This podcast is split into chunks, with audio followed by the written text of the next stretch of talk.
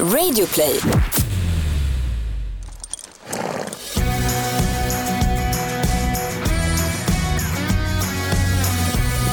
Det är dags för ett nytt avsnitt av Ridklubben. Jag heter Gry Forssell. Och jag heter Rebecca Lagin. När vi spelar in det här avsnittet så är det alltså torsdagen då Sweden International Horse Show drar igång. Alltså för bara några dagar sedan. När du hör det här, om du hör det när det kommer ut vill säga. Exakt. 2019.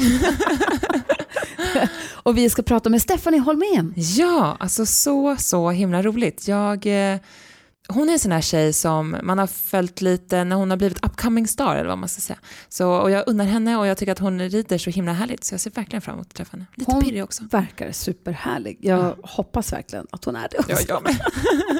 Eh, och eh, det här avsnittet kommer ju då komma ut. När det här avsnittet kommer ut, då vet vi hur det gick. Mm. Men när vi träff- under helgen, just på den här tävlingen då, men när vi träffar henne så har vi ingen aning. Nej.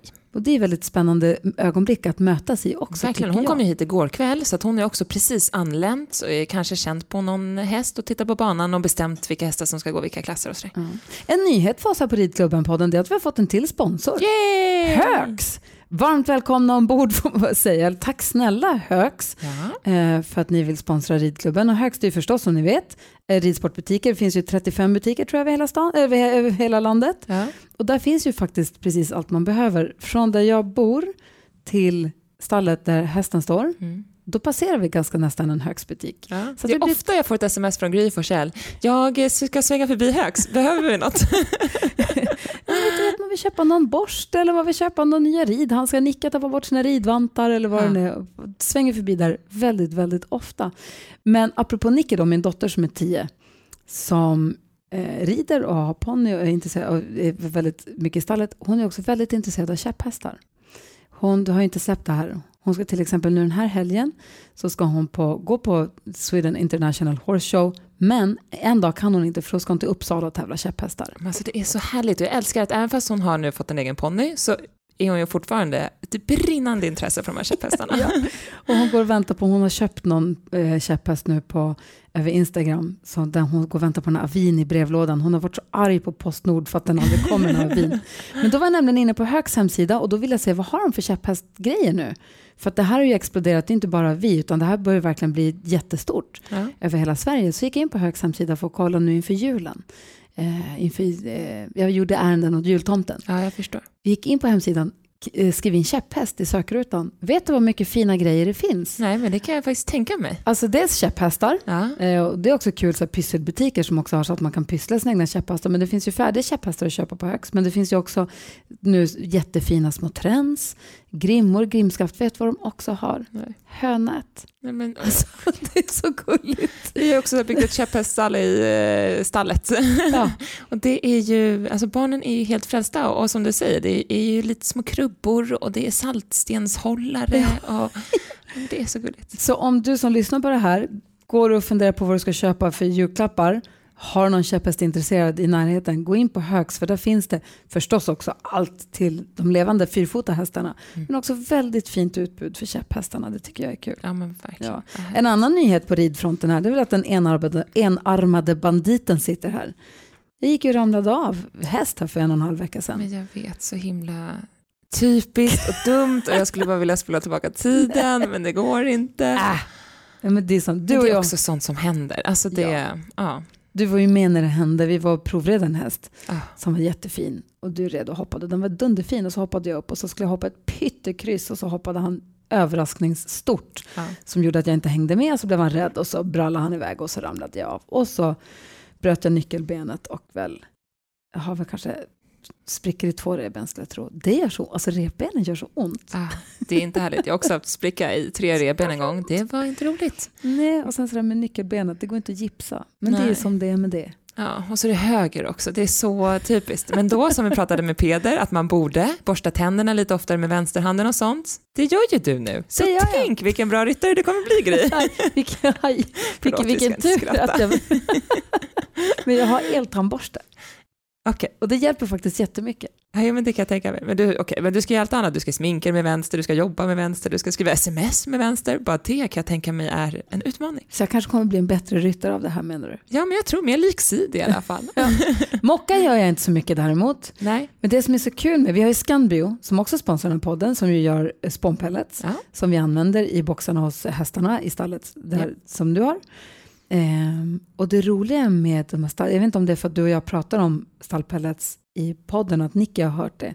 Ibland är Nicky jättemycket det här. Ja. Men hon tycker att nästan det roligaste med stallsysslorna, det är när hon får spåna. Hon tycker det är så, jag vet inte om det är det att hon tycker att det är kul att man får hälla vatten på spånpellets så att de sväller upp. Eller om det är det att hon får ta kniven, att hon får skära med vassa morakniven i påsarna. Ja. Men hon tycker det är så härligt att få spåna. Det är ju toppen. Då ja. kan hon vara spånansvarig hos hästarna. Jag kan mocka och hon får vara spånansvarig. Tack snälla Scanbio. Om du som lyssnar är nyfiken på deras produkter så kan du läsa allt på scanbio.com och Herx har förstås också en hemsida, herx.se. Bara gå in och kolla där. Verkligen. Ja, men då ska vi träffa tjejen som inte skulle bli tävlingsryttare för hon skulle utbilda unghästar och så skulle ju syrran tävla var det tänkt, det ska vi prata om också. Ehm, det gick ju sådär för nu är det ju i alla fall Stephanie Holmén som har tagit över tyglarna på Peder Fredrikssons favorithäst Sparven. Vi pratar med Stephanie Holmén.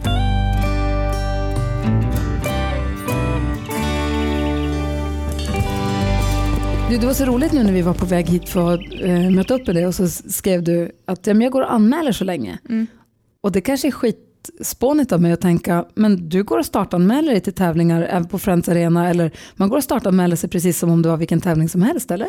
Ja, men på internationella tävlingar så har man ju bara anmält att man kommer till tävlingen och med vilka hästar. Och sen väl på tävlingen så anmäler man eh, samma dag eller ofta kvällen innan vilken häst som ska gå vilken klass kommande ah. dag. Vilket är väldigt bra för då, man har ju alltid en grundplan men man kan ju också ändra den utifrån hur hästarna känns. Det är inte som på svenska tävlingar måste man i TDB anmäla sex veckor innan.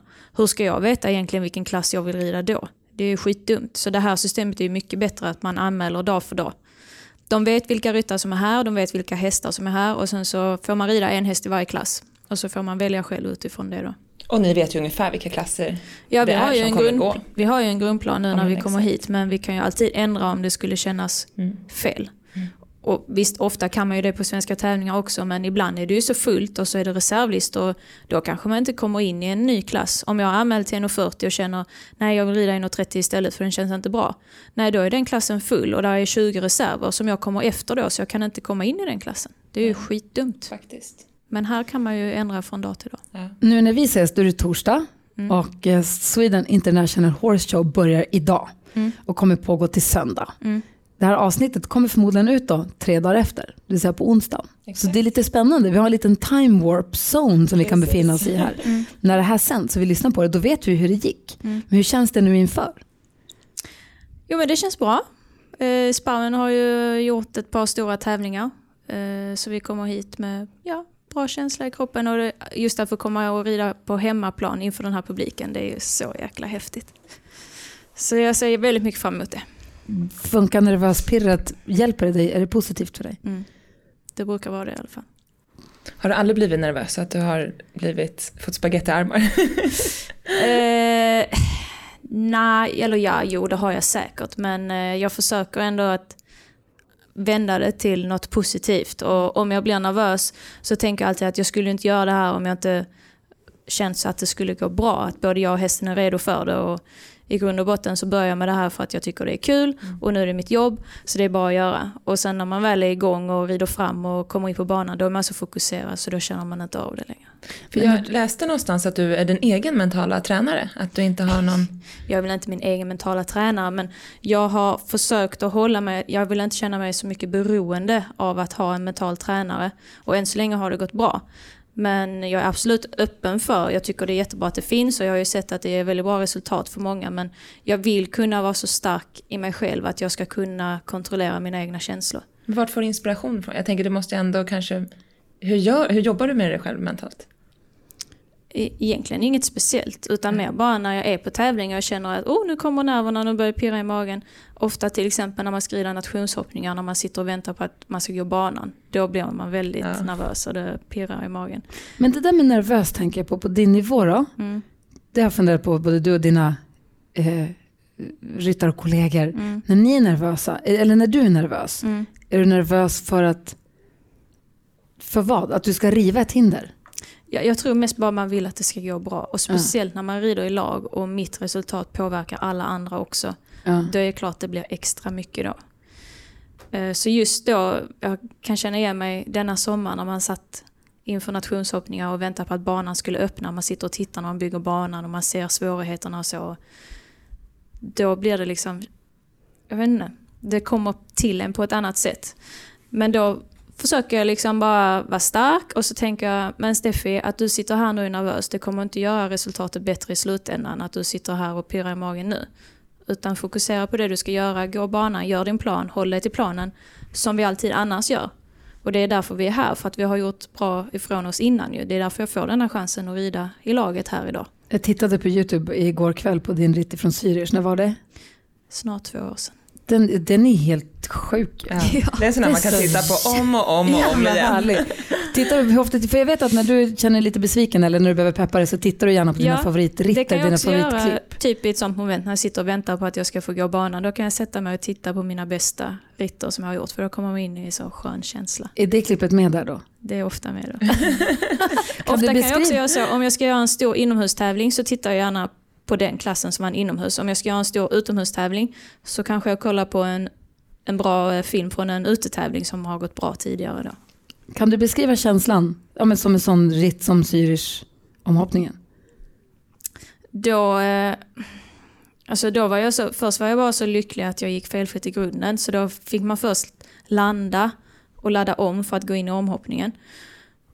Och då, ja, jag hade ju inte på tanke att jag skulle kunna gå in och rida om en vinst där. Men så sa Peder och Henrik och min sambo Karl som var med att eh, jag skulle göra den här innanförsvängen då. Att jag skulle gå utanför min comfort zone.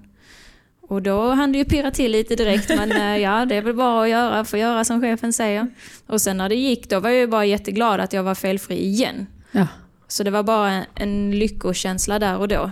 Men jag trodde ju fortfarande att jag aldrig skulle vinna, för det var så många kvar, ryttare kvar efter mig som skulle komma och rida som har mycket mer erfarenhet och normalt sett mycket snabbare ryttare än vad jag själv är. Och när i, under ritten bestämmer du dig för att jag tar innanför?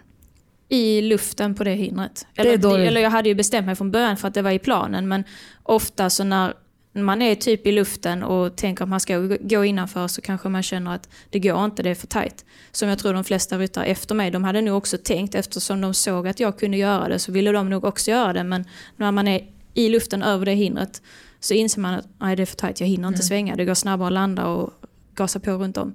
Men sparven, hon var ju, bara jag liksom tittar till höger in i den svängen där så fattar hon ju direkt. Så man ser ju också på videon när jag landar så har hon ju vänt före mig. Så jag är liksom en halv sekund hänger jag ju nästan utanför henne i svängen för hon vände så snabbt. Så utan sparven hade det ju inte varit så lätt då kanske. Jag är så jävla dröm, alltså jag får lite rys bara jag tänker på det. Jag tycker att det är så himla Och det härligt. bästa var ju också att när jag väl kom in i det lilla hålet där, att jag väl fick ett framåtläge till nästa Ja. hinder. För det är också lätt om man klarar att komma in i ett sånt snävt hål, i en snäv sväng, att man sen kanske uh, får ett bromsarläge. Och då kanske jag hade rivit istället. Och då kanske många hade sagt, ja men vad trodde hon, det skulle ju inte gå att rida den svängen. Men så sa Lisen i efterhand att, ja, men då hade jag också tränat och denna gången gick det ju faktiskt. Mm. Och då var det ingen som sa något. Åh, Bara härligt. positivt. Ett poddtips från Podplay. I fallen jag aldrig glömmer djupdyker Hasse Aro i arbetet bakom några av Sveriges mest uppseendeväckande brottsutredningar. Går vi in med hemlig telefonavlyssning och, och då upplever vi att vi får en total förändring av hans beteende. Vad är det som händer nu? Vem är det som läcker? Och så säger han att jag är kriminell, jag har varit kriminell i hela mitt liv men att mörda ett barn, där går min gräns. Nya säsongen av Fallen jag aldrig glömmer på Podplay.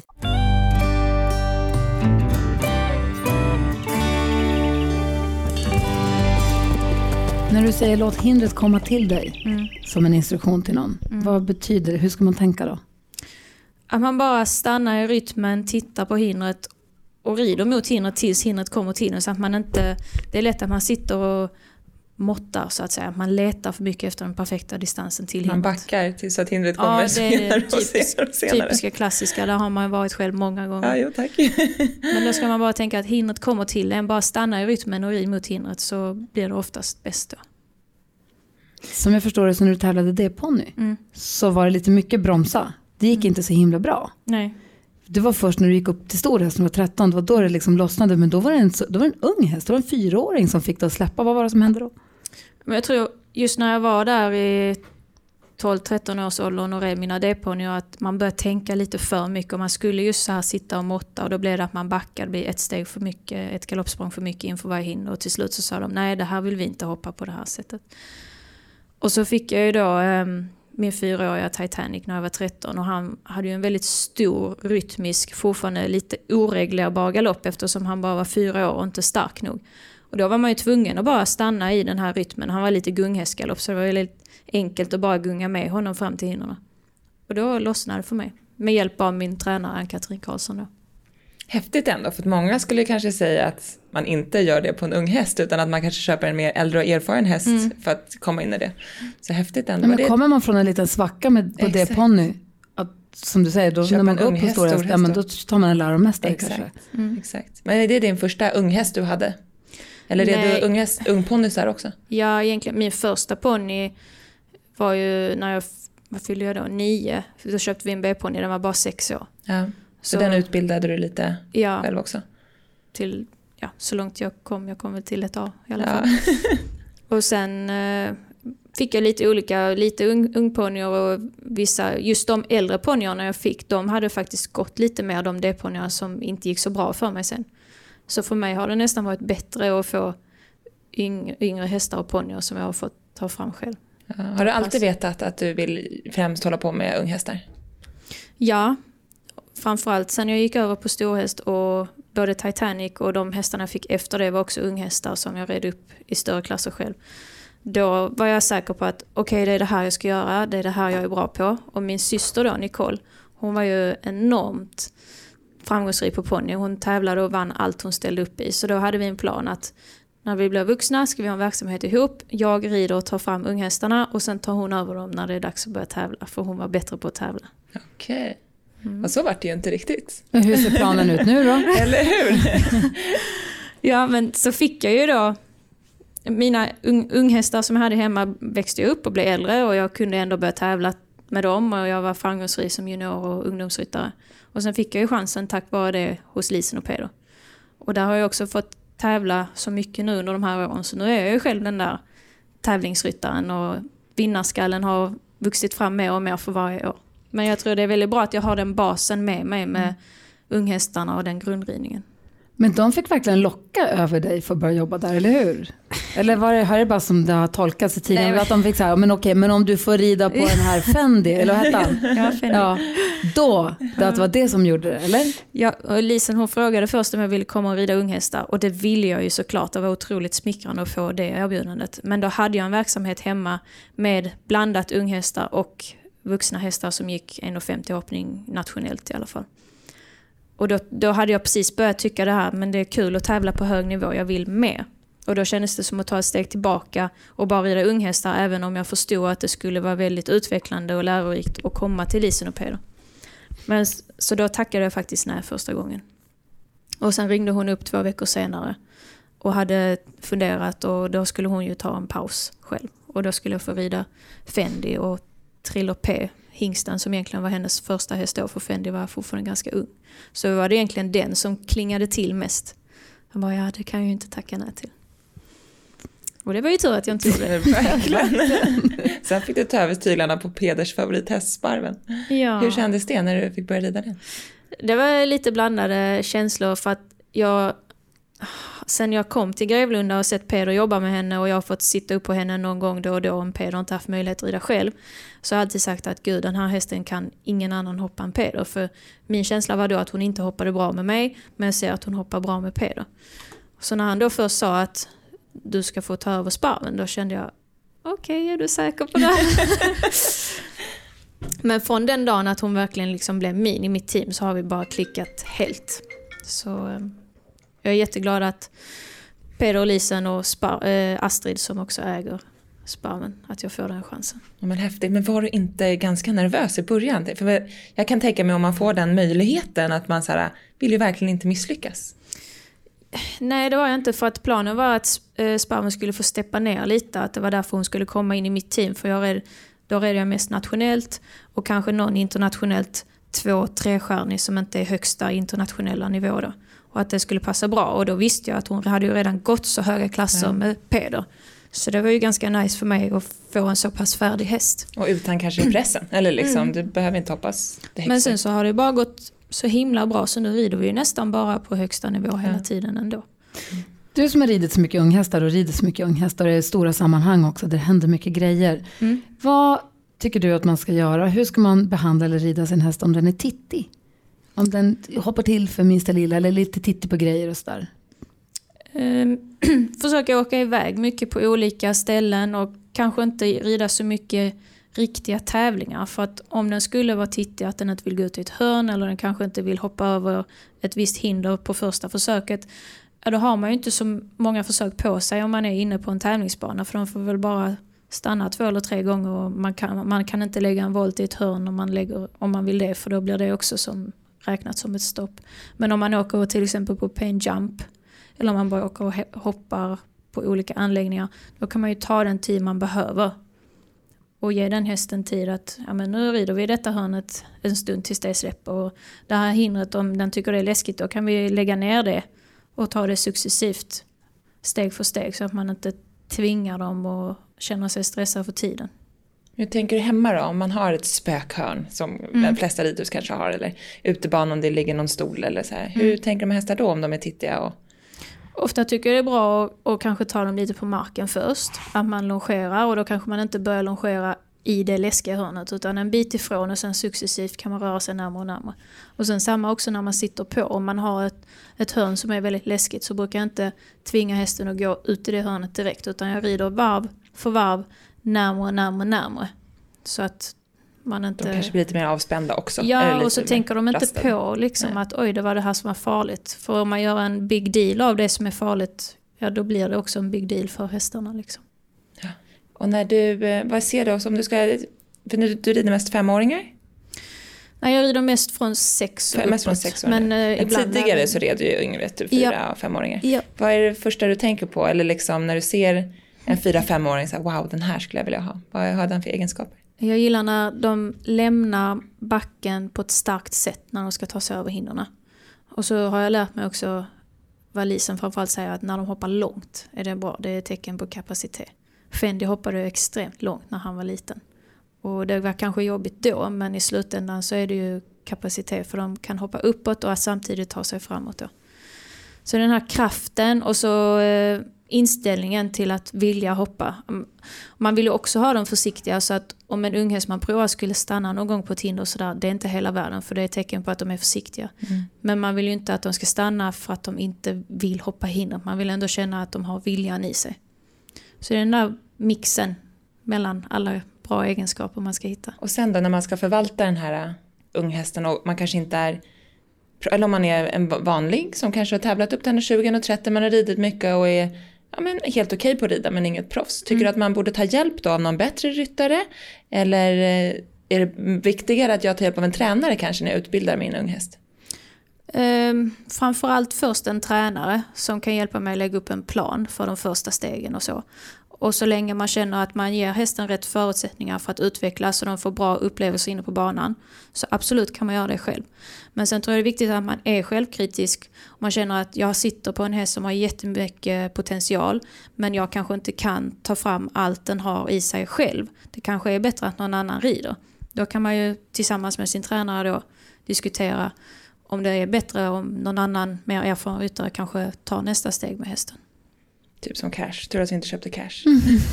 vi var jag ser och provade lite hästar mm. för typ två, tre år sedan.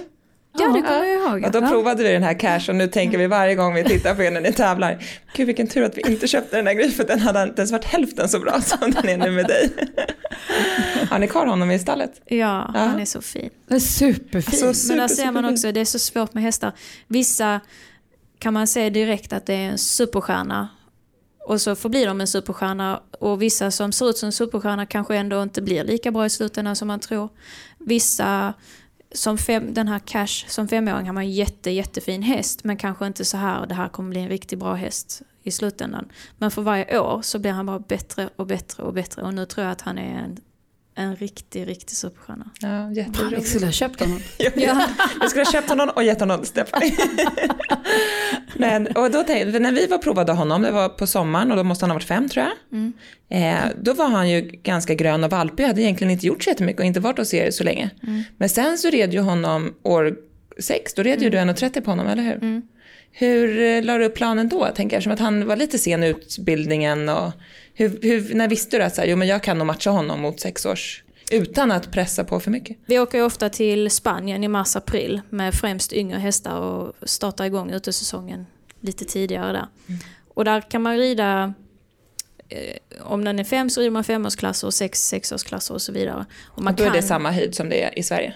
Alltså eh. femåringen rider 1,20 och sexåringen 30? Ja, fast man börjar nog, jag tror femåringarna hoppar kanske 1,10, 1,15 okay. först för det är så tidigt på året. Ja. Sexåringarna börjar nog hoppa 1,20, 1,25 och sen sista veckan tror jag de har någon 1,30 klass. Ja. Och det är väldigt, väldigt snällt byggt. Eh, så då, då kan man få en ganska bra värdemätare hur de tar det där.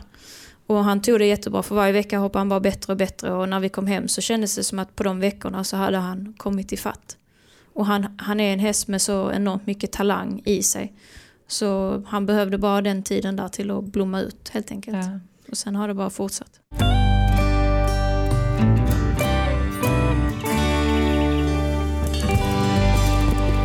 En annan, vi pratade på om kontroll här för lite tidigare. Det kanske också är självklart för ryttare på din nivå, men det var nytt för mig. När jag läste någonstans att du sa att från det att hästen sätter första hoven inne på banan, så redan då har du bestämt exakt hur du ska rida fram till att du får startsignal. Visste du det? Nej. Så har jag aldrig gjort. Nej. Ja, jag har ridit in på banan och så flyttar man runt lite och kollar lite, snirklar lite tills det är dags att köra. Sen börjar man. Ja. Men hon, säger jag och pekar på Stefan, har ju liksom bestämt exakt. Det finns inget åt slumpen, inte ens där. Nej, för ofta är det ju en speciell sväng. Man vill antingen känna på själv eller man känner att man vill visa hästen att den har sett hur det ser ut i den svängen så att den inte blir förvånad när den kommer inne i banan för det finns inte utrymme för det då. Och sen har man ju bara 45 sekunder på sig. Ofta så kommer man ju in på, ju större tävlingar desto, det, desto mindre tid får man för ofta har de bara ett ekipage på banan samtidigt då. Så då gäller det att ha en plan, vilka vägar jag vill rida innan jag startar. Och för att, som Peder har lärt mig, vad jag tycker är väldigt bra, att när man är på väg till ettan, att man alltid har en diagonal på vägen innan och byter galopp. Som ettan står i höger galopp så börjar jag alltid i vänster galopp, hitta en lämplig diagonal någonstans. Få till bytet till höger galopp och sen rider jag mot ettan. Varför? Det, det är som en skön, så här, ja, ett bra ord. men både jag och hästen vet att vi, nu, Då är det nu börjar dags, det. Liksom. Nu är det dags. Ja, men som en liten halvhalt nästan inför ja. nu ska hoppa bana. Så att Exakt. man förbereder hästen. Den lär ju sig också då Efter att nu kommer den här diagonalen och så kommer det här bytet. Nu kör, nu kör vi, det är nog inte alls. För då börjar man i en bra stor frisk galopp på diagonalen, halvhalt, byte, igång och sen igen. kör vi igång. Så Gör du så hemma också när du hoppar? Ja, alla hästar. Ja. Det är liksom inbyggt. Men sen samma där, man kan ha en plan. Sen måste man ju ändå vara öppen för att improvisera. Det kan ju hända saker, hästen skyggar till, jag kanske måste rida ett, ett extra volt just i den hörnan, då kanske jag inte hinner gå ner till den andra hörnan. Och så får man ju ha, ofta är det ju en klocka som man kan hålla koll på. Ja. Så det är viktigt att titta på den. Vi pratade också om att titta på andra ryttare när vi hade Christian från Krusarstjärnan som ju tävlar dressyr. Mm. Han sa att när han tittar på andra tävlingsryttare, han kan sitta och titta på framridningen bara se hur de andra ryttarna kortar tyglarna. Mm. Bara sitta och titta på hur kan man gå i sitt skritt från mm. långa till hur tar man tyglarna? Och det kan han sitta och det tycker jag är så fascinerande också mm. att sitta och kolla på. Hur gör man övergångarna mellan övningarna mm. och sånt. Och när du sitter och tittar på andra ryttare. För det första, vem gillar du att titta på? Och vad för detaljer tittar du på då? Alltså framförallt så generellt kan jag säga att om jag sitter och tittar på bra ryttare och bra ridning. Så rider jag själv mycket bättre sen också.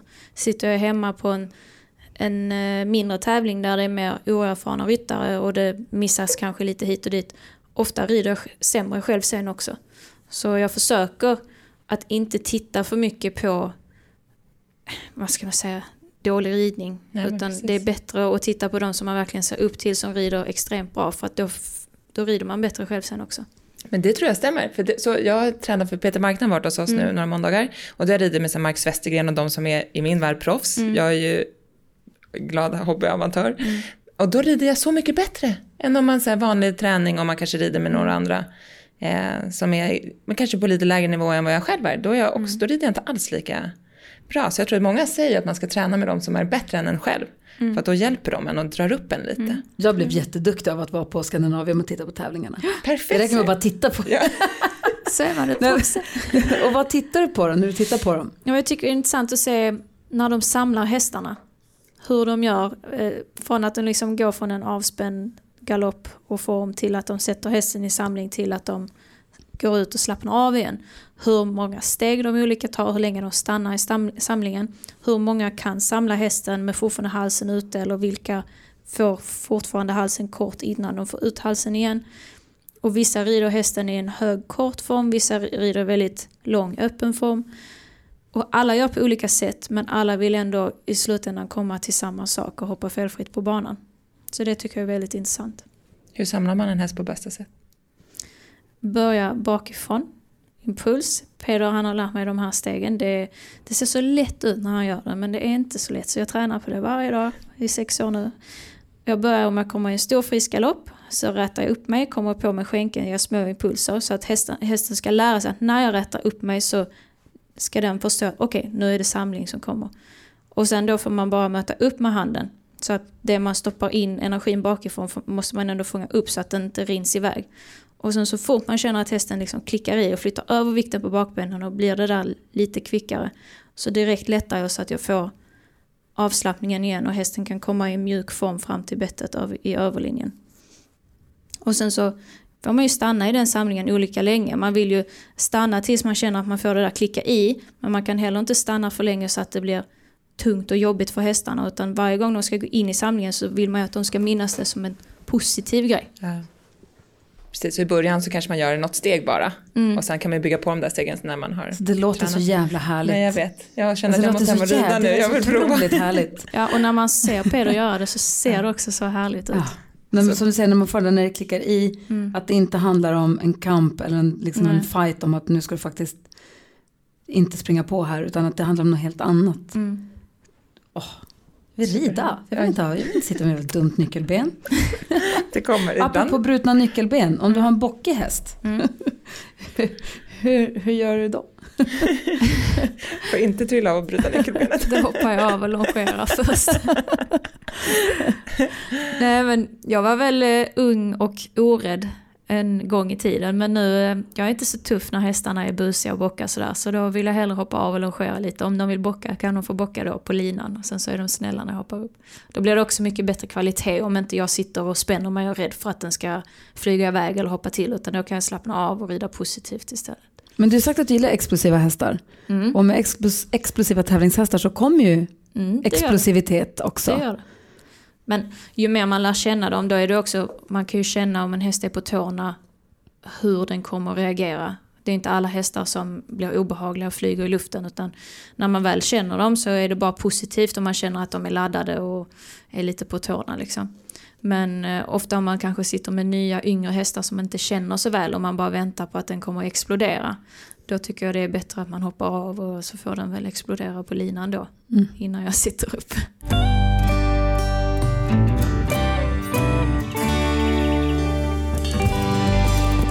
Vi har lite lyssnarfrågor här. Mm. Då har vi först Helena. Hon undrar hur är det att jobba med Peder och Lisen? Hur det är. Ja. Förskräckligt. Det känns så, för varje intervju jag gör så är det alltid en så här, men hur är det egentligen? Att jag- De vill komma fram till något som är dåligt, men jag är ledsen, det finns inget dåligt. Det är väl jättehärligt. Ja, jag, jag tror att har man jobbat med Lisen och Peder så tror jag det är svårt att vara anställd hos någon annan sen. För de är så otroligt laid back. De ger mig space och utrymme att planera och jobba självständigt samtidigt som de alltid finns där och är otroligt stöttande och motiverande. Och, ja, jag tror de är de perfekta cheferna helt enkelt. Hur tror du att de har blivit det? Jag tror det är bara deras personlighet och de är så som människor. Lite samma hästtänk säkert. Mm. Ja. Eh, hur länge har du stått på Grevlunda undrar Viola? I sex år nu. Lite drygt. Härligt. Och Emelie Andersson hon undrar hur gör man sig och sin unghäst redo för att kunna kvala till exempel Falsterbo och Elmia? Men det är just det att man eh, lägger upp en långsiktig plan, väljer ut rätt tävlingar och så får man individanpassa liksom efter vägen hur det känns. Eh, vissa hästar blommar ut jättetidigt och är väldigt mycket i fas. Då kan man ju passa på att kanske ge den en vila istället. I längden tror jag det är väldigt bra att lägga in de här vilorna. En annan unghäst kanske behöver mer tid att jobba på lite mer. Att man åker ut varje vecka och träningshoppar. Sen är samtidigt, man får inte glömma att ge de hästarna återhämtning också. Men att eh, man kanske gör mer med en sån häst. Just åka runt på olika ställen och sådär. Om man tänker Falsterbo är ju på sommaren, lite mitten på sommaren. Mm. Hur många tävlingar kan man göra på en fyraåring innan Falsterbo? Och jag vet inte vad jag räknar i huvudet, men fyraåringar rider jag knappt, men det är nog in, inte många alls. Alltså. Så en fyraåring måste kanske vara ganska mentalt och kroppsligt ja, ha lätt för sig för att klara av den uppgiften? tror jag med en fyraåring det är kanske bättre att åka och träningshoppa någonstans och när den känns redo, om den känns redo så kan man göra ett sånt här kval till Falsterbo då. Och gör den det bra så behöver den nog inte tävla så mycket mer sen tycker jag. Jag tror de ska tävla i så himla många fler år sen framöver så jag tror det är viktigt att man inte tävlar för mycket när de är unga. Och tror, kan man liksom köra både Falsterbo, Elmia och så på en fyraåring? Eller skulle du välja och kanske välja en stor tävling? Just för deras skull, att det inte blir för mycket liksom. En fyraåring hade jag kanske valt en ute och en innetävling ja. som mål. Uh, och sen de andra uh, fem, sexåringar kan man ju välja om man vill göra till exempel Falsterbo, Champion of the Youngsters, Elmia. Det kan man göra men då man ju inte tävla så mycket däremellan. Så eh, det, jag, för jag tror det är, många tänker så och det är så många som rider alla de här tävlingarna, det kan man inte göra på en unghäst. Men då tror jag också att de rider tävlingar däremellan för att de ska känna sig förberedda och redo för själva huvudtävlingarna. Men är de så pass i fas att de är redo för att gå de tävlingarna så tycker inte jag de behöver tävla så mycket däremellan. Och sen femåringarna går ju mot klockan? Bara om de är i final i omhoppning. Ja. Hur mycket tränar man omhoppning på en femåring tycker du? Ingenting. Nej. Nej. Utan då bara försöker man... Tycker också det är mycket, man läser mycket på sociala medier och sånt att var är ridningen på väg om man ska rida fort redan på en femåring. Och man ska inte rida fort på en femåring men om de är i ett championat och har gått två kval plus en final felfritt och bara ska in och hoppa sex hinder och en fjärde runda. Då är de nog redo den dagen för att gå lite mot klockan. Mm. Sen säger jag inte att man ska gå in och idiotrida för det, det ska man aldrig göra oavsett nivå. Det spelar ingen roll om hästen är tio. Eller liksom, det Men ofta vara. i en femårsfinal så är det kanske max tio hästar i en omhoppning. Och då är det de tio som har visat att de är mogna och hoppat felfritt hela vägen. Då tror jag de klarar av att hoppa sex hinder med lite kortare vägar. Ja. Och sen är det ju oftast ryttare då också det är upp som till är, såklart. Exakt, som är mm. erfarna och känner hästen och vet ja. vad den klarar av. Du har ju drömt, som jag förstått det, sedan du var liten om att bli professionell ryttare. Mm. Proffsryttare och nu är du ju det. Mm. Vad, är det. vad är det som inte är som du hade tänkt dig? Eller vad är det som har överraskat dig med ditt jobb?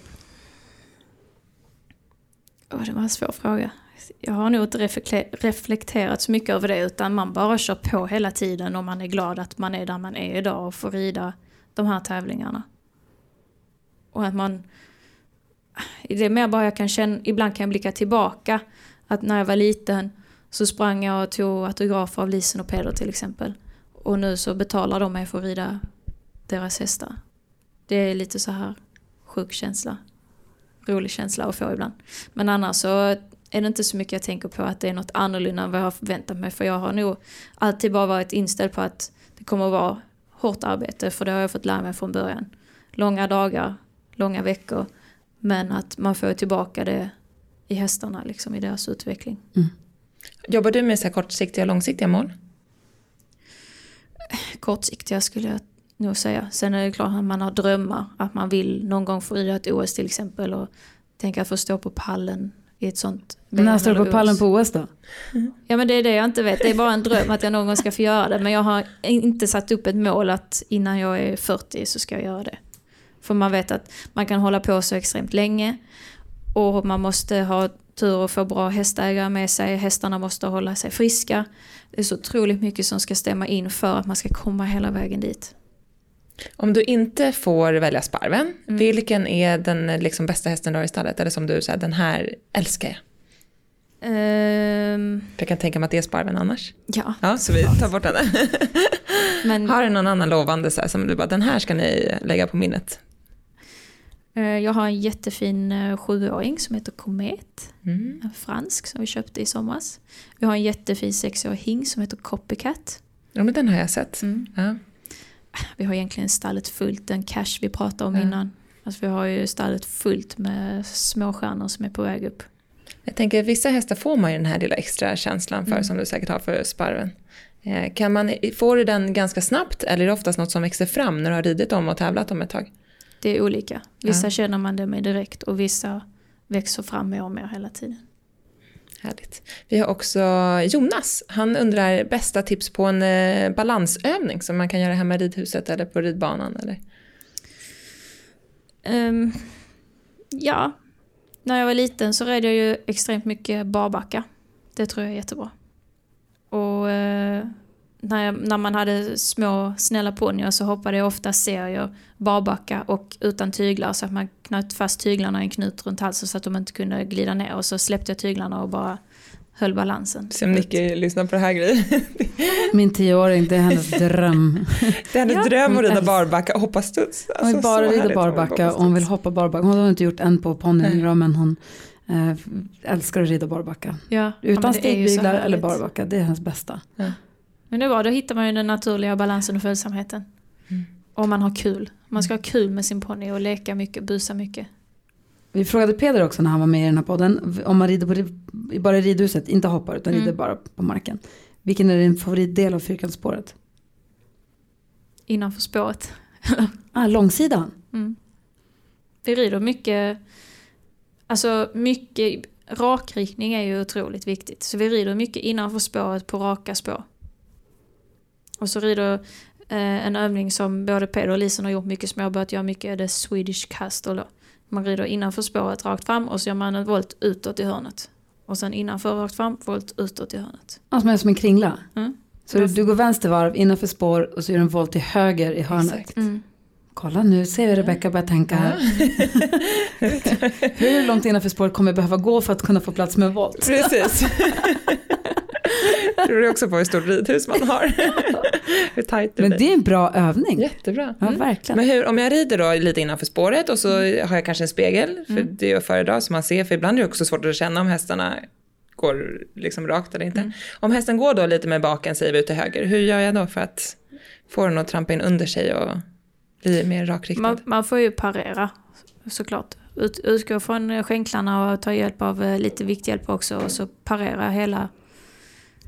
hela Tänker du att du vill flytta in bakdelen då eller tänker du att du vill leda ut framdelen på bakdelen eller hur? Alltså ibland är det ju bogen, som, oftast är det bogen som sticker iväg tycker jag. Ja. Så ofta tycker jag att man ska leda framdelen för bakdelen. ja. Men ibland så kan man ju känna att den skjuter ut just ett bakben och det är kanske det bakbenet man vill ha in. Mm. Men eh, grundtäcket ofta, eh, som Peder också har lärt mig, framdelen leder bakdelen och när man väl får in det då får man också ofta det här klicket liksom. ja. Ska man bara hålla kvar det där klicket. Jag älskar klicket. Jag Klicket med. är- Det känns som att vi har mycket bra saker att hämta. Du måste få klicket, jätteviktigt. Eh, Okej, en annan fråga då. Det tycker jag är alltså nyfiken. Om du har ett tomt ridhus och så ska du ställa upp två hinder. Du ska hoppträna, vilken, du väljer vilken häst du vill. Ställ upp så din favorit. ehm, ja, du har två hinder på dig. Hur ställer, vad bygger Två du? hinder, det är inte mycket. Kan jag inte få tre? Okej då, vad gör du då? Ja, men då är långsida och diagonal och långsida så att man kan hoppa de tre hinnorna i rad som en liten båge så här. Då. Evighetsbana typ. Ja. Långsida, diagonal, långsida. Mm. Och sen så, ja. Men för det vet du, då hade du en klinik förut när du pratade lite om hoppning. Då ställde du upp så, eller hur? För då kan man rida lite snävare svängar, ta lite kortare vägar Ja, och och, bara också träna anridningar. Ja, Som man gör på framhoppning egentligen, där har man ju bara ett hinder att rida på. Ja. Så om man tränar på det redan hemma och liksom får kvalitet i anridningen för att få ett bra språng. Så att man vet hur man ska rida när man kommer på Det framhoppningen med sen. lång anridning, det är inte kul alltså. Det är... Ja, men då kan man också välja lång anridning, Ja. kort anridning. ja, Rakt efter, böjt efter. ja. Om man tycker att man alltid kommer lite fel på hindren, det alltid blir alltid ett litet halvgaloppsprång till eller lite för stort språng. Då får man ändra någonting. Vad? Nej men ofta, det säger jag ibland, jag har inte så mycket träningar men jag har elever och så vänder de upp på ett hinder och sväng och så kommer de lite fel varje gång. Då kan man ju välja håll ut svängen lite till eller håll in svängen lite till. Så kommer ju hindret på en bättre distans. Ja, men om jag kommer rakt på, lång anridning, rakt spår, Mm. här borta står hindret. Så kommer det fan alltid lite fel. För det är bara att träna och träna och träna tills man får upp sitt öga. Och jag tycker det är jättebra att sitta och rida bommar på marken efter varandra och lägga till galoppsprång och ta bort galoppsprång så man kommer in i rytmen också. Hur lätt det är att anpassa galoppen för att nå fram till rätt avsprångspunkt. Ja, det är ju det. Man får kanske börja med bommar och bara hitta avståndet till bommen först innan man hittar Mm. ett bra avstånd. Och böjt spår är också lätt, lättare tycker jag själv. För att då kan man också, känner man att ligger lite nära så håller man ut lite och ligger man för stort så håller man in lite. Så man får in den här känslan bara. Och det är svårare, tycker jag i alla fall, på raka spår. Och så klicket. Då kommer klicket. Gud vad härligt, jag kommer leta efter det här klicket nu när jag ska hem och samla. Det enda som klickar här är mina revben. Hur ser helgen ut? Vad är, vad är drömmen om du, tänker, om du ser dig själv på prispallen? Vad har du vunnit? Drömmen är ju att få bli leading rider of the show. Det hade ju varit. Då har man då blivit bäst placerad i flest klasser, eller? Ja, Ja. Då, har, då har man haft en väldigt bra helg överlag. Mm. Sparven ska gå de två största klasserna, då har hon gått bra i dem. Och speedhästen jag har med mig har gått bra i de lägre klasserna. Och Vilka två hästar med Då vinner jag en traktor. Till Lisen och Peder. Hur är det där om du vinner? Får du behålla själv eller dela, hur, hur gör man? Nej, det går till, eh, till hästägarna, vilket då är Lisen och Peder. Och sen ibland är det ju andra delägare i hästen och då är det ju Lisen och Peder som gör upp det med dem då. Ja. Många traktorer på Grevlunda. Verkligen. Men det är bra om du vinner, då kanske vi kan köpa en begagnad traktor sen som ni inte Efterfrågar också Lamborghinis. ja, exakt. Vi får snart eh, byta ut hästarna och göra traktor och bilstall istället. Och, och kort då, eh, vad har du för mål för 2020? Eh, jag vill hålla kvar min plats i A-landslaget. Och då innebär det ju att Sparven fortsätter prestera bra på högsta nivå i nationshoppningar och så vidare. Och sen att jag själv bara känner att min ridning fortsätter utvecklas, så att jag blir ännu säkrare på det jag gör hela tiden. Och alla hästarna får hålla sig friska och fräscha, utvecklas med mig. Alltså, du är så oerhört duktig och det är så kul att se dig rida. Det är verkligen en fest. Och sen så är det så jävla roligt att det Fest. går bra också. Men det är ju det. Ja. Det blir så prillig nästan när det är dags. Men det ser så lätt ut Ja. och det är, nej, det är så här härligt flow tycker jag när du rider. Och det, det, så jag, jag kan vara så här, ibland när jag ska tävla så vill man ju se på någon bra. Eh, och då är du verkligen en bra förebild för du har så här, det är härligt flow hela tiden som tack man vill kopiera. Tack. Vi känner inte ens Stefan, man känner, har ju känt länge att man, man unnar henne att det ska gå Ja. bra. Man blir, jag blir glad när det går bra för dig. Ja, vad snällt. Tack. Eh, Kul Tusen, att, vad sa du? det är kul att höra. Ja, tusen tack för att vi, du tog, din, tog tiden att vi fick träffa dig. Tack. Och jag vet inte, vidskepar dig med stort lycka till då. Tack. Ska vi ha ett stalltips? Ja. Om du har något stall, vi brukar alltid be våra gäster om ett stalltips. Om man har något så här bra knep eller bra, jag brukar använda den här prylen egentligen för det här, men jag brukar använda det för det här. Eller En pryl. man har en pryl eller Det sak du gör eller en övning. Det eller, kan vara, Mm. Longering. ja, ja, men du har ju sagt massa stalltips om den här kringlan och egentligen. men Om ändå, du vill välja ett så här, det här skulle jag vilja dela med mig till alla hästfolket i Sverige. Stephanie Holméns stalltips. Mitt stalltips, eh, som egentligen är Peders stalltips, ja, men det är de jag för vidare. eh, ta ut din häst, i alla fall en gång i veckan, men ja, så ofta du kan och longera ett par varv både på hårt och mjukt underlag och känn igenom rygg och ben så du lär känna hästen ordentligt. För då kan man upptäcka mer i tid om det skulle vara något problem som är på gång och man får också den här kommunikationen med hästen från marken varje dag. Det är ett bra stalltips. Longera mera. Ja, inte att man gör ett helt longeringspass då, men att man bara eh, tar ut hästen och bara snurrar några varv i båda varven så att man lär känna hästen och ser hur den rör sig. Man lär känna rörelsesystemet. Och man då också passar på att känna igenom hästen ordentligt. Det kanske man också gör när man ryktar den. Det kan man göra som man känner. Men just att man lär, lär känna hästen hur den rör sig varje dag för att då kan man också upptäcka i tid om det skulle vara något på gång. Och du gör det med grimma och longerlina Ja. utan sadel och ingenting Ja, egentligen vi brukar innan. bara ta ut dem på stallplan utanför eh, stallet och snurra några varv. Så ser man. Och lära känna dem. Bra tips. Verkligen. Tack ska du ha.